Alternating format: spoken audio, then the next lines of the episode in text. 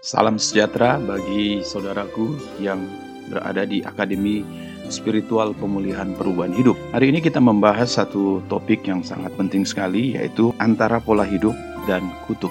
Seringkali kita memiliki persepsi yang salah tentang pola hidup dan kutuk sehingga kita rancu menggabungkan hal itu dan ini banyak kami temui dalam uh, kenyataan hidup bahwa banyak orang percaya belum bisa membedakan mana pola hidup dan kutuk. Itu ibarat kalau Anda misalnya sakit kepala tetapi Anda minum obat mah, itu rancu. Sakit kepala Anda tidak akan pernah selesai. Sementara kita mengobati ke tempat yang tidak tepat. Nah, itu sebabnya antara kutuk dan pola hidup itu dua hal yang berbeda. Supaya dalam perjalanan iman kita, spiritual kita, kita boleh memiliki pemahaman yang baik dan kita tidak menjadi salah pengertian. Kalau salah pengertian, maka kita akan mengalami penghambatan juga dalam kedekatan kita dengan Tuhan. Karena misalnya begini, ada satu keluarga orang percaya, orang percaya ini begitu aktif, setia dengan Tuhan, melayani dan sebagainya. Tetapi kenapa kenyataan hidupnya, ekonominya selalu terpuruk, kondisi uh, rumah tangganya nggak semakin baik, lalu kesehatannya terus terganggu, ada hal-hal yang kayaknya tidak baik selalu menimpa. Sehingga dia lalu berpikir bahwa ini kutuk. Kenapa Tuhan tidak membebaskan saya dari kutuk? Kenapa Tuhan tidak melepaskan saya dari kutuk? Bukankah saya sudah percaya kepada Yesua bahwa Yesus adalah juru selamat yang telah membebaskan saya dari kutuk? Tetapi, tetapi kenapa hal ini terjadi? Terus terus-menerus. Nah, jika kita tidak memiliki pengertian yang benar tentang pola hidup dan kutuk, maka kita akan pasti mempersalahkan Tuhan dan kita akan terganggu tentang pertumbuhan spiritual kita kepada Tuhan. Padahal yang menjadi penyebab utama adalah pola hidup kita. Pola hidup keluarga ini itu boros, tidak tertib, tidak bisa mengatur waktu, tidak bisa mengatur rumah tangga, dan berkata-kata kasar, lalu tidak tahu yang namanya money management, pengaturan keuangan dan sebagainya. Pola hidup yang seperti inilah yang menyebabkan kesulitan-kesulitan ekonomi, kesulitan-kesulitan hidup, kesehatan itu terganggu sekali. Nah, kalau kita tidak memperhatikan hal ini, maka kita langsung menerjemahkannya ini kutuk yang belum diselesaikan. Kan itu salah. Baik, hari ini kiranya kasih Tuhan akan memberikan kita hikmat sehingga kita bisa mengerti dengan harapan setelah selesainya materi ini, Bapak Ibu yang ada di Akademi Spiritual Pemulihan Perubahan Hidup, kita akan mengalami mengalami satu perubahan yang baru dan kita harus bertekad jika ada yang perlu dirubah, maka kita harus merubahnya. Nah, secara sederhana, saya ingin katakan bahwa pola hidup itu menyangkut kepada kita secara individu, secara pribadi, ya. Sementara kutuk itu menyangkut langsung ke Tuhan. Saya berikan contoh, misalnya ada aturan lalu lintas bahwa setiap pengendara sepeda motor harus menggunakan helm. Dan itu keputusan peraturan lalu lintas berada di tangan kepolisian. Sementara jika Anda melanggar tidak memakai helm, maka Anda akan dikenakan sanksi hukum yang berlaku atau Anda ditilang. Tetapi lain halnya, jika Anda tidak menggunakan helm dan Anda terjatuh, lalu si pengendara itu mengalami luka-luka, itu tidak ada kaitannya dengan hukum kepolisian tadi. Tapi ini benar-benar murni bahwa si pengendara itu yang melakukan kecerobohan, kecelakaan. Jadi dalam hal ini kita harus bisa membedakan mana aturan yang terlibat langsung kepada pemerintah yang membuat peraturan itu dan mana yang merupakan kecerobohan dari pengendara itu sendiri. Jangan dirancukan. Jadi jangan ketika pengendara itu jatuh dan luka-luka, lalu dia mempersalahkan kenapa polisi tidak membebaskan dia dari dari kejatuhan itu dan sebagainya. Ini kan salah, ini kan rancu. Baik, kita akan bahas satu persatu. Apakah itu pola hidup? Pola hidup artinya cara hidup yang diulang-ulang dan itu membentuk suatu kebiasaan. Kebiasaan yang terus-menerus akan menjadi pola hidup atau lifestyle atau gaya hidup. Sementara cara hidup itu kita adopsi dari mana? Kita dapatkan dari mana? Lingkungan yang paling dekat sejak kita masih bayi, kanak-kanak, yaitu adalah family, adalah keluarga kita, di mana kita bertumbuh. Mungkin kita bertumbuh diangkat anak dari satu keluarga, ya itulah lingkungan Anda terdekat. Atau mungkin Anda dari kecil berpisah dengan orang tua dan Anda besar di rumah nenek, di rumah paman, di rumah keluarga, atau Anda berada satu lingkungan keluarga tertentu, maka itulah yang menjadi adopsi daripada cara hidup. Kita akan mulai melakukan cara-cara hidup seperti lingkungan keluarga kita. Kalau lingkungan keluargamu suka bicara keras, berteriak-teriak dalam memanggil, maka itu akan uh, Anda adopsi menjadi kebiasaanmu dalam berkomunikasi. Kalau Anda tinggal di satu keluarga yang lembut, halus, santun, sopan, maka itu akan teradopsi menjadi cara hidupmu sendiri. Itu sebabnya orang tua sangatlah tidak bijaksana kalau Anda mengatakan memarahi kepada anak Anda bahwa anak Anda ini keras, kasar, tidak hormat orang tua, lalu Anda menyampaikan satu statement di belakang kemarahan Anda, Anda mengatakan bahwa ikut siapa ini? Ini kan adalah suatu ketidakadilan. Sebenarnya bukan ikut tetangga, ya ikut Anda karena dia tinggal sama Anda. Di situlah adopsi cara-cara hidup yang kita mulai mulaikan. Kalau misalnya Anda tinggal di satu keluarga, entah itu orang tua Anda seperti yang saya uraikan, uraikan tadi, entah itu Anda diangkat anak oleh satu keluarga, kalau kebiasaan di keluarga itu kotor, menaruh barang sembarangan, tidak tertib dan sebagainya, maka itu akan Anda adopsi menjadi cara hidup Anda juga. Tapi sebaliknya jika Anda tinggal di satu keluarga yang tertib, pola hidupnya disiplin, kerja keras, rajin dan sebagainya, santun, maka itu akan Anda adopsi menjadi cara hidup Anda. Dan cara hidup ini juga Anda bisa dapati dari pergaulan. Karena itu kitab suci kita memberitahu pergaulan yang baik, pergaulan sorry, pergaulan yang buruk akan merusak kebiasaan baik. Dan orang yang paling bertanggung jawab sebenarnya dalam merusak kehidupan kita itu sebenarnya adalah sahabat, teman. Kita banyak contoh dalam masyarakat sering kali kita mengatakan begini, anak saya dulu baik, setelah bergaul sama si A, dia jadi tidak baik. Dia keikut-ikutan sama pergaulannya si A. Demikian juga sebaliknya, anak saya dulu berantakan hidupnya, tapi setelah bergaul sama anak si B itu, sekarang berubah hidupnya. Lalu siapa yang dia adopsi? Ya pergaulannya. Karena itu anda harus hati-hati dalam bergaul ya. Jangan sembarangan bergaul karena pergaulan itu menentukan masa depanmu loh. Kalau kamu bergaul dalam lingkungan yang salah, maka cepat atau lambat semua pola hidup yang ada di situ, cara hidup Anda pasti akan Anda adopsi dan melekat kepada Anda. Kebiasaan-kebiasaan itu akan terbentuk di dalamnya. Lalu cara hidup itu juga kita bisa adopsi dari dari masa lalu kita.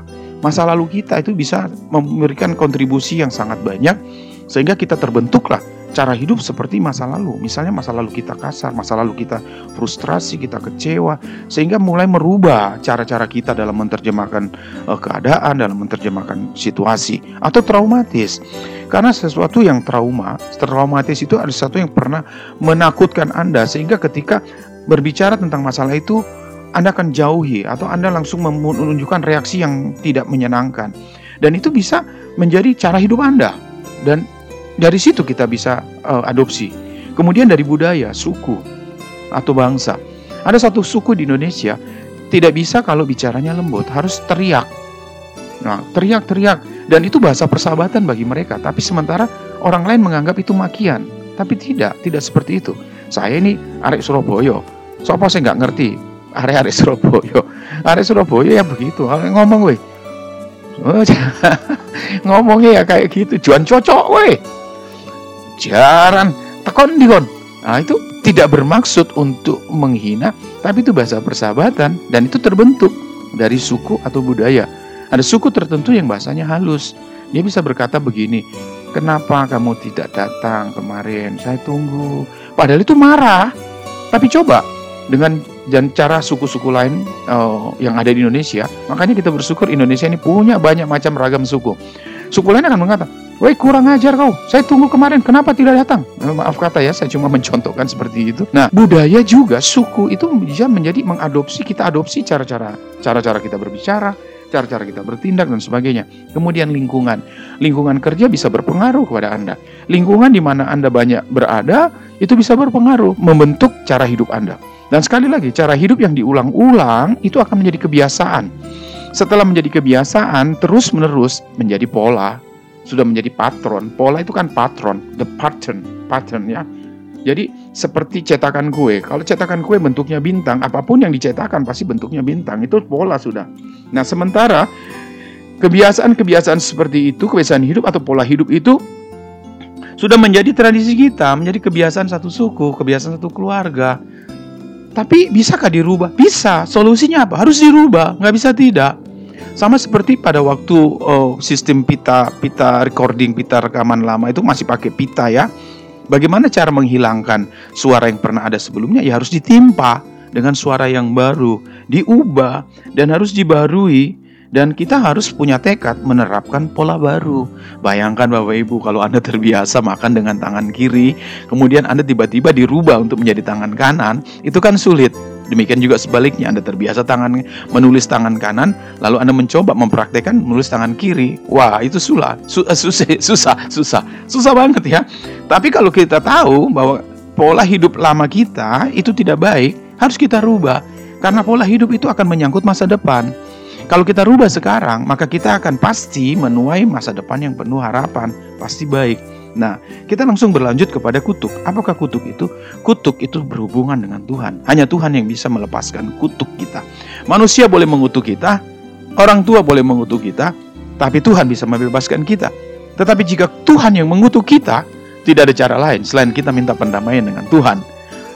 Seperti saya akan berikan contoh, ketika Adam dan Hawa jatuh dalam dosa, yang dikutuk oleh Tuhan Yahweh Elohim kita adalah tanah. Di sana dituliskan bahwa terkutuklah tanah karena engkau. Tuhan tidak pernah mengutuk manusia. Hanya tanah terkutuk karena pelanggaran Adam dan Hawa. Tetapi ada satu sisi dalam kitab suci Yeremia 17 ayat 5, di sana Tuhan Yahweh Elohim mengutuk manusia. Firman Tuhan berkata, "Terkutuklah orang yang mengandalkan manusia dan kekuatannya, dan diberkatilah orang yang mengandalkan Tuhan." Nah, hanya pada ayat itu saya mendapatkan dalam kitab suci bahwa Tuhan mengutuk manusia apabila manusia mengandalkan manusia dan mengandalkan kekuatannya. Jika manusia mengutuk kita, Tuhan yang membebaskan. Jika Tuhan yang mengutuk kita, tidak ada lagi di atas Tuhan dan Anda harus merubah pola itu, merubah cara itu dan berbalik kepada Tuhan. Bertobat artinya berbalik arah. Itu dalam pengertian yang sangat sederhana. Jadi, apakah itu kutuk? Kutuk itu sesuatu yang mengikat, sesuatu yang mengurung, ibarat jail, ibarat penjara. Sepandai apa pun Anda, kalau Anda di penjara, maka semua kepandaian Anda, kreativitas Anda tidak akan bisa keluar. Anda mencoba membangunnya dari dalam penjara, itu sulit sekali. Hanya satu solusinya, Anda dikeluarkan dari penjara itu, dibebaskan. Dan berita baiknya, hanya Tuhan yang pegang kunci penjara kutuk itu.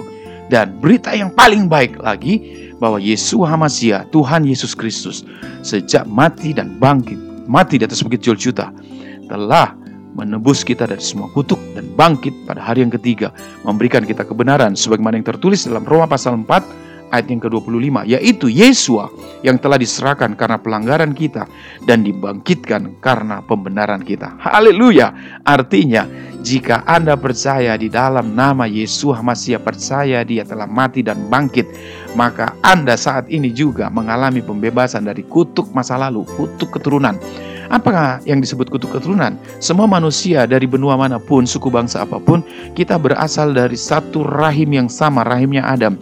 Karena manusia yang pertama, wanita pertama adalah Adam dan Hawa. Dari sanalah kita semua berasal. Adam dan Hawa jatuh dalam dosa, sehingga kutuk itu terus berlaku sampai turun temurun. Ada kutuk atas bangsa, ada kutuk atas keluarga, ada kutuk atas pribadi.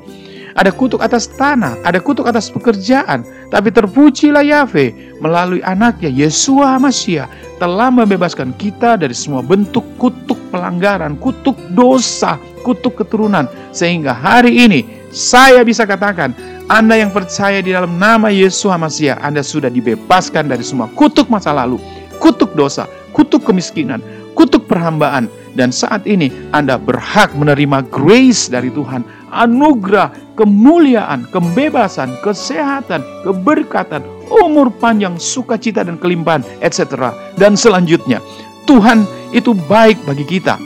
Puji nama Yahweh. Dengan iman saya berani mengatakan bahwa Anda yang ada di dalam Yesua Hamasia, di dalam Tuhan Yesus Kristus, Anda telah bebas dari semua kutuk. Sebagaimana tertulis di dalam firman Yahweh, jadi di dalam firman Yahweh 2 Korintus 5 ayat 17. Jadi siapa yang ada di dalam Kristus ia adalah ciptaan baru yang lama sudah berlalu sesungguhnya yang baru sudah datang. Bukankah itu menggembirakan bagi kita?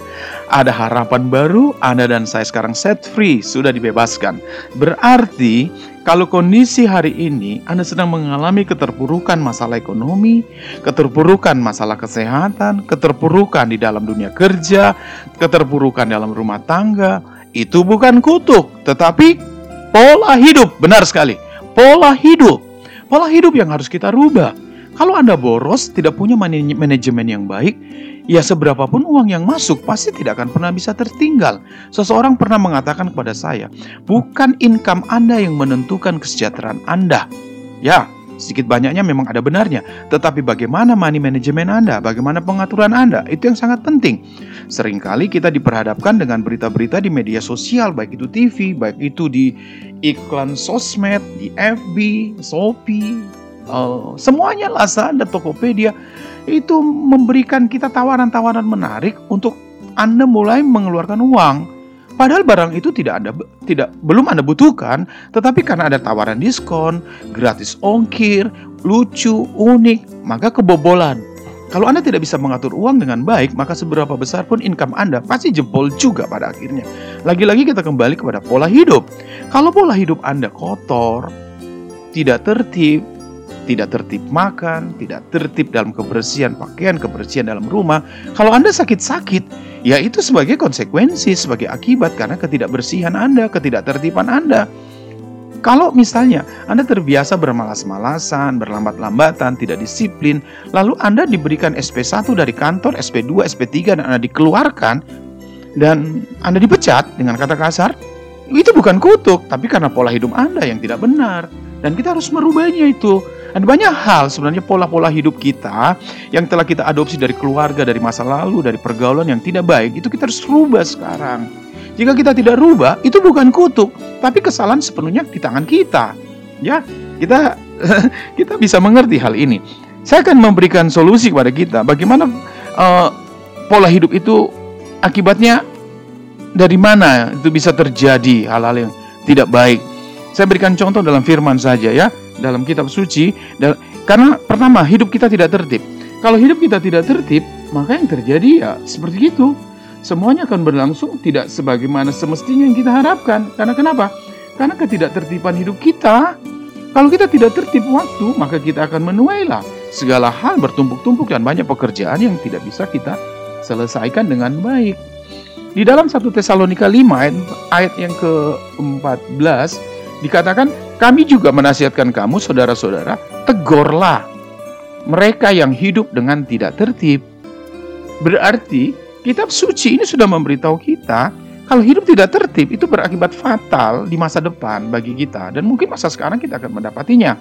Dan akibat pola hidup uh, pola hidup yang tidak baik itu disebabkan karena kita tidak bekerja. Karena di dalam firman Yahweh 2 Tesalonika ya, pasalnya yang ketiga ayat yang ke-10 di sana dikatakan dengan jelas begini, sebab juga waktu kami berada di antara kamu, kami memberi peringatan ini kepada kamu, jika seorang tidak mau bekerja, janganlah ia makan. Dan tidak bekerja ini merupakan pola hidup yang tidak baik, dan ini bisa berakibat buruk. Dan juga uh, pola hidup yang tidak baik ini bisa berakibat terjadi hal yang tidak baik oleh karena yang ketiga, campur urusan orang lain.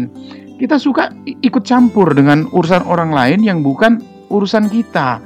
Karena firman firman Yahweh juga memberitahukan kepada kita hal ini dengan tegas sekali dalam satu Timotius pasal yang kelima ayat 13. Lagi pula dengan keluar masuk rumah orang, mereka membiasakan diri bermalas-malasan. Nah, itu satu pola hidup yang tidak baik ya.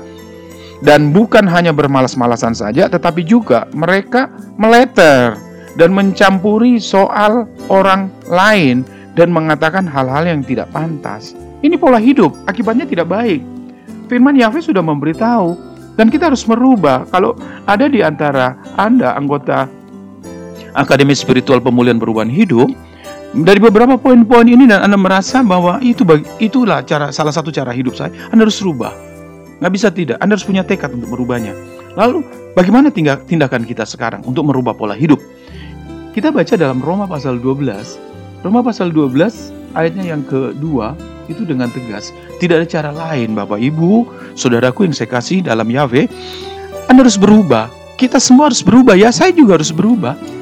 Sebab ada yang pernah mengatakan, jika Anda tidak berubah, kita akan punah seperti dinosaurus.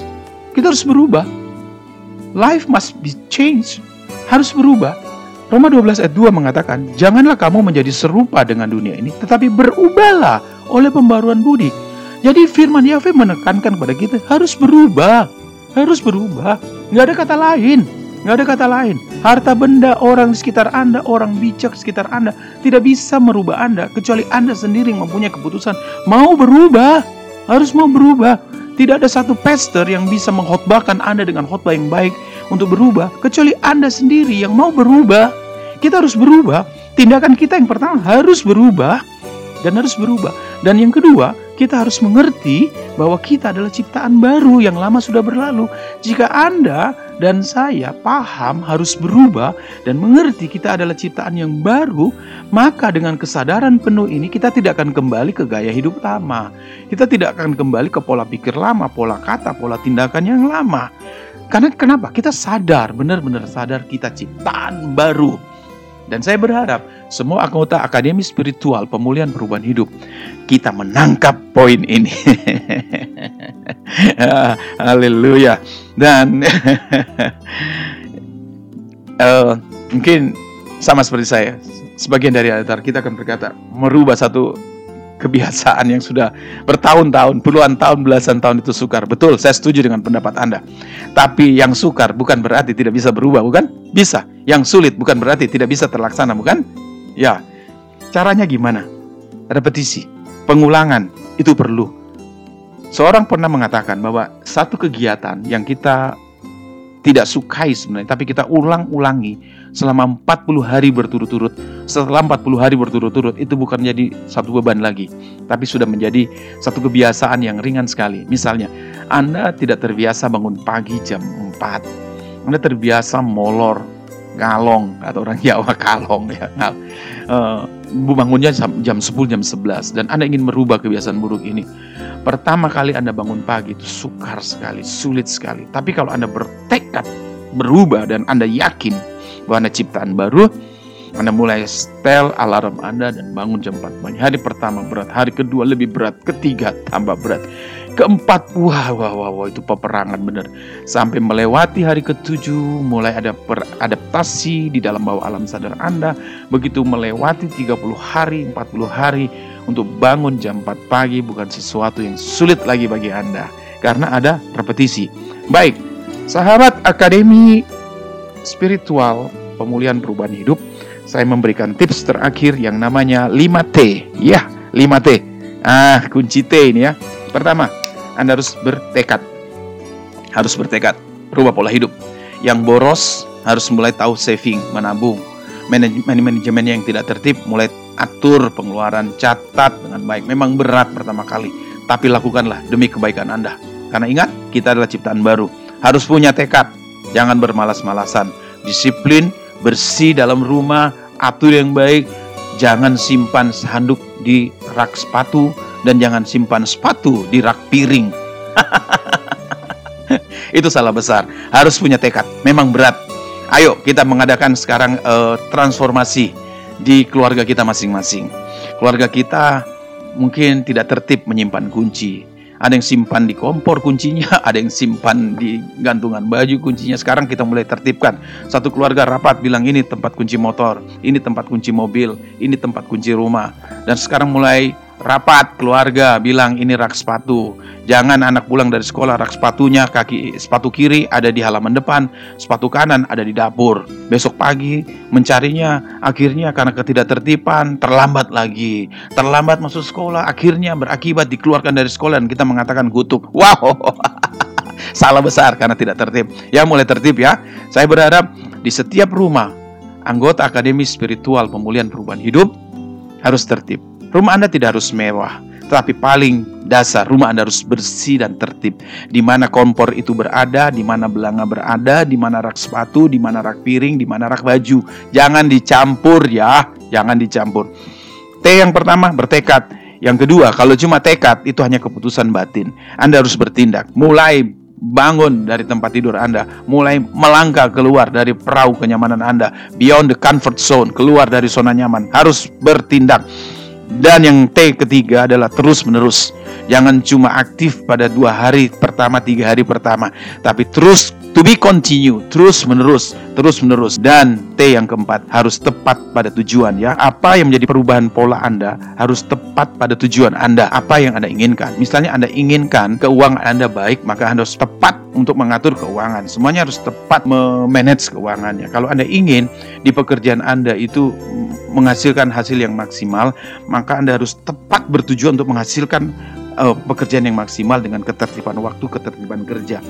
Dan itulah yang terpenting yang perlu kita ketahui, tepat pada tujuan ya. Jadi yang pertama bertekad, tindak, terus-menerus, tepat tujuan. Satu hal yang lebih penting lagi daripada semuanya itu yaitu awasi pergaulan kita. Dan jangan lupa mengingatkan selalu kepada anak-anak Anda untuk bergaul, memilih-milih teman karena pergaulan yang buruk bisa merusak kebiasaan yang baik. Kenapa kita memilih teman? Kita memilih bukan berdasarkan sosial atau tingkat kekayaan keluarga tersebut, tapi kita memilih berdasarkan karakter dan moral. Sebab lingkungan pergaulan yang buruk akan bisa teradopsi kepada anak-anak kita dan dan kepada diri kita sendiri. Itu sebabnya untuk memastikan kita mengadopsi cara-cara hidup yang baik, pastikan bergaullah sama orang-orang baik. Kenapa bergaul itu penting? Sebab di mana kita bergaul, di sana adopsi dari cara-cara baru akan terekam kepada kita. Karena itu, jangan bergaul sama para pecundang, sebab orang-orang yang gagal, orang-orang pesimis akan memberitahu seribu alasan kenapa mereka gagal. Tapi bergaullah sama orang-orang sukses, karena mereka akan memberitahu seribu satu cara untuk berhasil. Sekali lagi, pastikan anda berada di tempat pergaulan yang baik, komunitas yang baik, di lingkungan jemaat yang baik, di lingkungan organisasi yang baik. Karena lingkungan Anda sangat memberikan kontribusi untuk Anda adopsi cara-cara mereka. Bapak Yahweh memberkati kita semua di dalam nama Adonai Yesus Hamasiah Tuhan Yesus Kristus yang menyertai kita sekalian. Sukses selalu. Saya menunggu berita sukses kemakmuran Anda akibat pola perubahan hidup itu karena ingat sekali lagi Yesus telah mati di atas bukit Juta oleh karena pelanggaranmu, kutuk dosa, kutuk masa lalu, kutuk kemiskinan, kutuk kesialan telah diselesaikan. Anda adalah ciptaan yang baru dan sekarang mulailah berjalan dalam kehidupan yang baru. Pola hidup harus berubah dengan 5T, tekad, tindak, terus-menerus, tepat, dan tujuannya jelas. Haleluya. Tetap selalu bersama podcast Akademi Spiritual.